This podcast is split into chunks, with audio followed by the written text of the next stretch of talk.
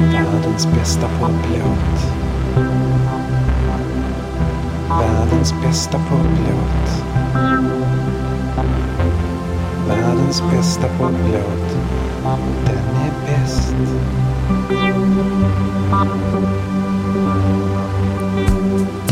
Världens bästa poplåt. Nu är den här.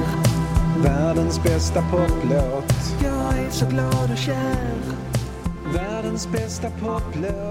Hej här Det är dags för ytterligare ett hopp in dit popmusik och annan populärkultur möts. Och idag möts de 2004, 1992 ungefär och kanske det viktigaste av allt den 13 mars 1973.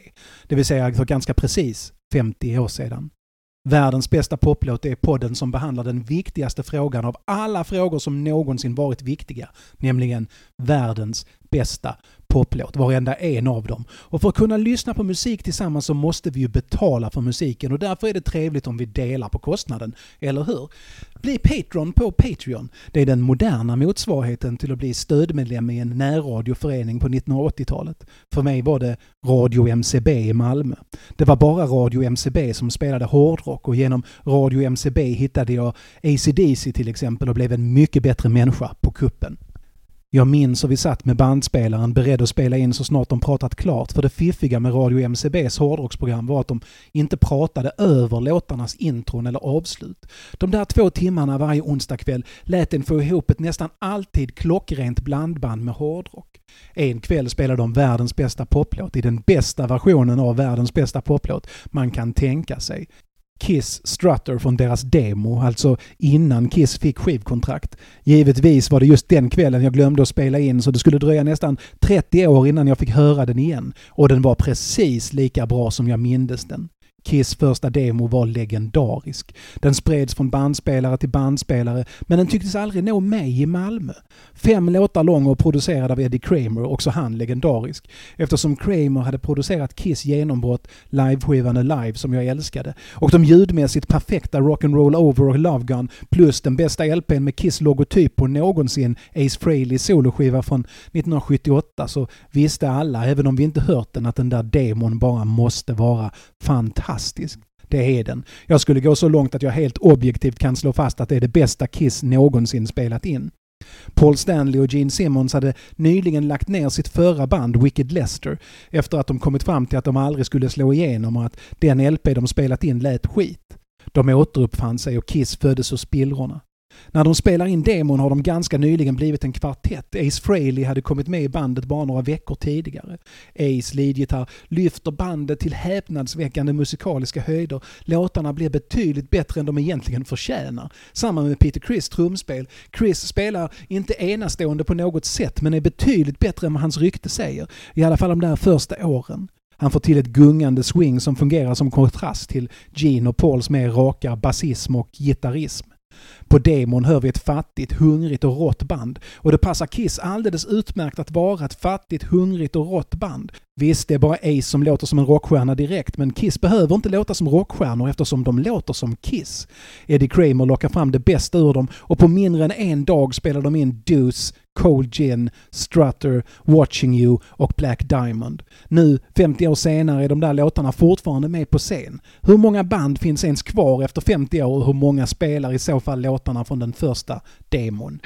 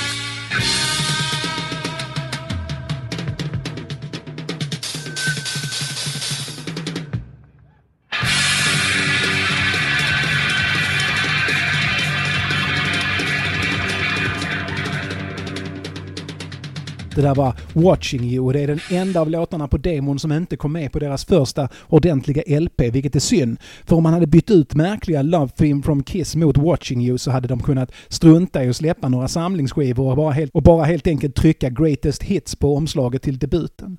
Kiss använde sig av överbliven studiotid från Wicked Lester till att spela in demon och Eddie Kramer producerade som en väntjänst till Bill O'Coin, Kiss manager.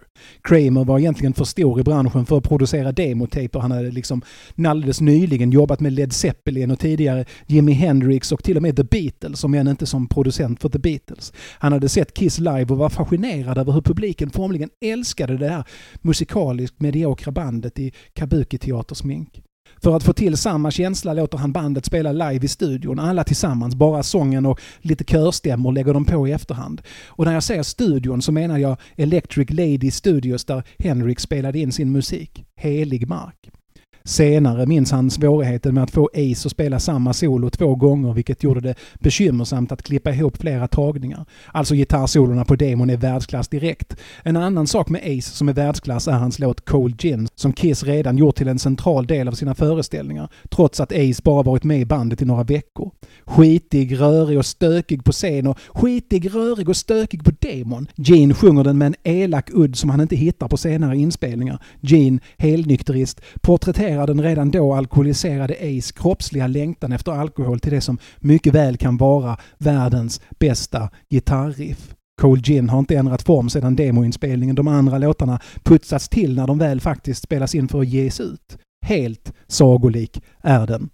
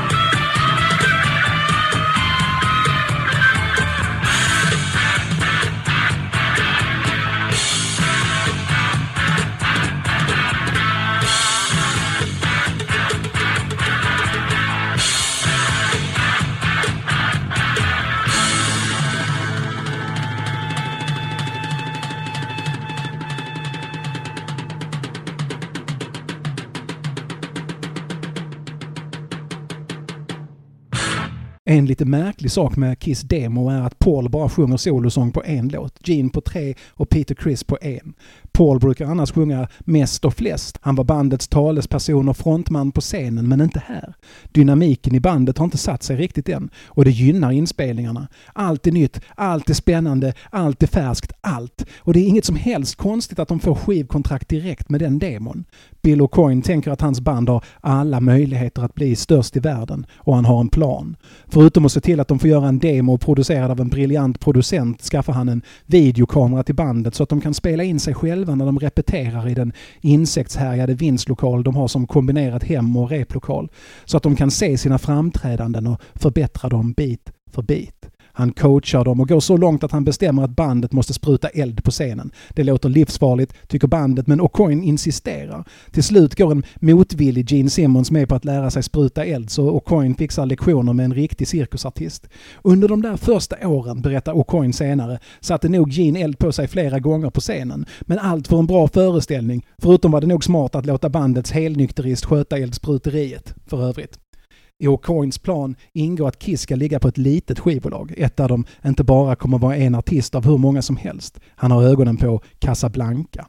Casablanca kan tyckas vara ett märkligt val eftersom de mest gav ut singlar och dansmusik. Kiss hade inte potentialen att bli ett singelband och verkligen inte ett dansband. Det inbillade sig inte ens Kiss, men på Casablanca skulle de vara det enda albumbandet och det enda rockbandet. Och Coin var bekant med Neil Bogart som ägde Casablanca och såg till att demon hamnade hos honom. Vad O'Coin inte visste var att Neil Bogart inte orkade lyssna på alla demos han fick till sig. Inte ens om de kom från bekanta. Istället bad han en av sina discoproducenter Kenny Kerner att lyssna igenom så mycket han orkade en kväll i veckan. Så det är Kenny Kerner som lyssnar och redan efter första låten ringer han upp Bogart och säger att du måste skriva kontrakt med det här bandet för de kommer bli större än någon kan föreställa sig. Kerner såg bilderna och Coin skickat med och även om han på ett sätt tyckte det var lite tramsigt med dräkterna och det billiga sminket så fattade han. Han förstod vad bandet var ute efter, att de var seriefigurer lika mycket som musiker. Så när han hör Deuce ser han Kiss framför sig och det han ser framför sig är väldigt likt det han sedan faktiskt ser framför sig när han går på en av Kiss konserter några dagar senare. DOS är en klassiker av en massa anledningar och alla dessa anledningar finns med på demon. Från det Rolling Stones-inspirerade inledande riffet till Ace solo på slutet och den obegripliga texten. Versionen som finns med på debutskivan som Kenny Kerner skulle komma att producera är inget mot Eddie Kramers demo. Det gäller alla låtarna på demon. Det var Kerner som skulle producera dem senare. Men mest DOS mest dos. Dos är också den låt Ace spelade till när han gjorde sin audition för Kiss månaden innan demoinspelningen och, och solot han spelar är ungefär det solo han improviserade fram den gången. Helt genialiskt.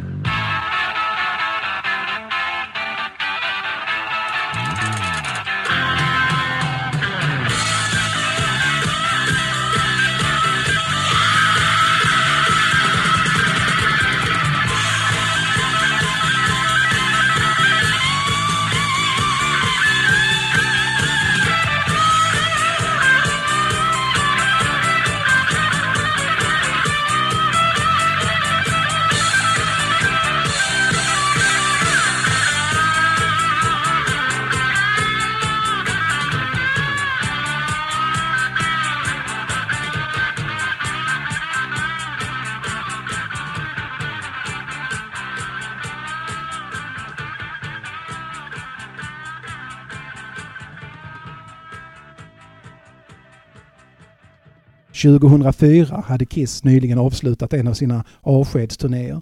Peter Criss hade fått sparken för tredje gången och Ace hade slutat för andra. Gene och Paul hade i och för sig bestämt sig för att fortsätta men energin hade lite gått ur bandet lite grann. Inte minst hade de slutat hitta ny publik. Det skulle snart ett dataspel ändra på. Rockstar Games hade stora planer för sin spelserie Grand Theft Auto. Grand Theft Auto 3, vi kallar det väl GTA 3 för enkelhetens skull, hade tagit bolaget från att vara ett medelstort independentbolag till att plötsligt sälja oanständigt många spel. GTA 3 var den första i serien som hade 3D-grafik och som hade en nästan helt öppen värld att springa omkring och stjäla bilar i. Visst, det fanns en historia om man ville spela den, men det var helt frivilligt att göra det. Tyckte man det var roligt att bara köra forta bilar och dricka öl, skrika på gubbar och jävla knöl, kunde man göra det. Ett av de första riktigt stora sandbox-spelen. För att rida på framgången skapade man snabbt Grand Theft Auto Vice City. I Vice City lever vi som ungefär en av skurkarna i Miami Vice och vi gör det till 80-talsmusik och i neonljus. Spelet blir en ännu större succé, inte minst för att alla rollerna försätts med röster från riktiga skådespelare. Det blir som att spela spel och se på actionfilm samtidigt.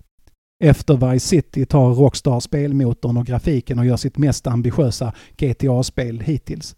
Grand Theft Auto San Andreas. Spelet utspelar sig i början av 1990-talet i Los Angeles, eller ett låtsas Los Angeles, San Andreas. Vi spelar som Carl, en brottsling som precis släppts ut från fängelset och som möts på flygplatsen av två poliser spelade av Samuel L. Jackson och Chris Penn, som berättar att han inte ska känna sig välkommen i staden eftersom alla hatar honom. Att han borde ha stannat på östkusten, men Carl har sina vänner i San Andreas, han är uppväxt där. Det är där han tänker bygga sitt nya, laglydiga liv, vilket går sådär.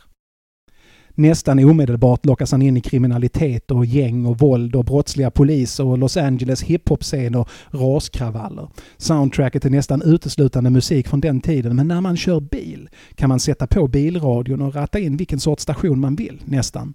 Även en som spelar det amerikaner kallar classic rock. Vi får göra Carl till vår egen och om vi vill kan Carl vara den typen av kille som vill höra Hotel California på bilstereon. Spelets producent älskar Kiss. Dan Houser är uppväxt med Kiss. Hans Rockstar har blivit så stora att de nu har råd att köpa licenserna till musik för de riktigt stora artisterna. Rockstar har äntligen råd med Kiss. Men till skillnad från många andra artister har inte Kiss hört av sig för att tjata in sig på soundtracket. Efter Vice City var det för många en självklar del att marknadsföra sig att försöka få med musik i ett dataspel. Men Kiss var inte riktigt rätt generation för att förstå det. Men Houser vet vad han vill ha. Han vill ha Kiss och låten Black Diamond. Black Diamond handlar om en svart prostituerad. Den skrevs av Paul Stanley och han var, och är antar jag, en musiker med ungefär noll insikt om hur det är att vara en svart prostituerad kvinna. Men det hindrar inte låten från att vara hur bra som helst. Redan från början ett självklart sätt att avsluta konserterna på, i alla fall innan extranumren. Och redan från början sjungen av trummisen Peter Criss, förutom ett kort intro där Paul försöker sig på sången. Han gav den till Chris för att alla var överens om att Chris var den som lät svartast av dem. Peter Criss röst är verkligen bandets hemliga vapen. Den har karaktär, driv och en förmåga att förmedla känslor som de andra sångröster saknade. Det är inte alls märkligt att hans låt Beth från Destroyer är Kiss största hitsingel. På demon har han inte skrivit någon låt men han sjunger den mäktiga Black Diamond och hans sång på den är löjligt bra. Riktigt jävla löjligt bra. En låt om en svart prostituerad kvinna passade utmärkt in i handlingen för GTA San Andreas. Det handlar om svarta brottslingar och ibland hallickar. Hauser kontaktar Kiss för att pitcha idén men även om Kiss management tycker att det verkar lysande, de, de köper argumentet att det är en lysande affär för alla att finnas med på bilradion i vad som troligen kommer bli en jättelik spelsuccé, så tycker inte Gene Simmons att det är rätt låt. Han hade rätt. Men satan vad bra Black Diamond är.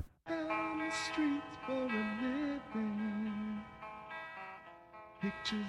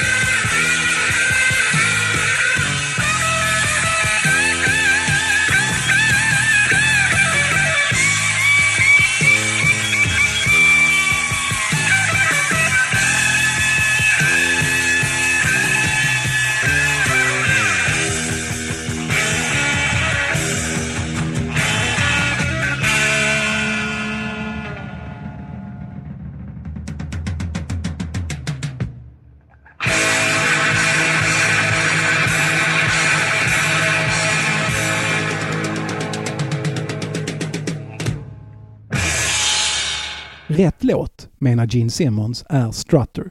Strutter är ovanlig i Kiss repertoar i det att den är skriven av både Gene och Paul. De skrev sällan tillsammans och de gjorde det väl egentligen inte på Strutter heller. Det är Paul som snodde en ackordföljd från en tidigare låt av Gene och skrev en ny låt till den. Strutter är den perfekta låten att få höra när man glider omkring i en nystulen bil i San Andreas. Solen skiner över gatorna och plötsligt är den där liksom. Strutter med sitt driv och optimism. Trots att den handlar om alla de kvinnor Paul Stanley med viss rätt tror inte kommer att vilja ligga med honom så är den optimistisk, en glad låt. Det är en mäktig känsla när låten spelas i spelet. Sällan har en poplåt passat bättre in i ett dataspel och den når ut till en publik Kiss tidigare inte alls nått ut till. Den version av Strutter som är med i spelet är den från debutskivan. Men som allt annat med debutskivan så är inspelningen på demon oändligt mycket bättre. Det är också den låt som skiljer sig mest från demon på LPn. På LPn är det en slick tre minuters dänga medan demoversionen är fem minuter lång och innehåller inte bara ett fantastiskt gitarrsolo från Ace utan två.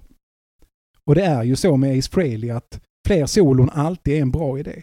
Fan det där åtta takter långa gitarrsolot på I was made for loving you gör ju den låten till det mästerverk den är. Men det är inte bara Ace som strålar på Stratodemon när hela bandet spelar som gudar. Trummorna svänger och basen basar och Paul spelar kompgitarr närmast perfekt. Och så sjunger han bättre än vad han någonsin gjort senare. Strato är på många sätt den perfekta Kiss-låten. Den har allt. Ska du bara spela en låt för någon som aldrig hört Kiss för att få den personen att förstå Kiss så är det Strato du ska spela. Utan tvekan. Eller nu känner jag i och för sig viss tvekan. Det skulle kunna vara Come On and Love Me från deras tredje skiva Dress to Kill du spelar. Men en av dem är det i alla fall. Ska du bli på gott humör så kan du inte misslyckas om du försöker bli det till Strutter. Världens bästa poplåt. Världens bästa poplåt är ett dataspel. Vad har du för planer imorgon egentligen? Jag tycker du ska ställa in dem och skolka och sätta dig ner och spela GTA San Andreas hela dagen. Du är värd det. Det är du verkligen.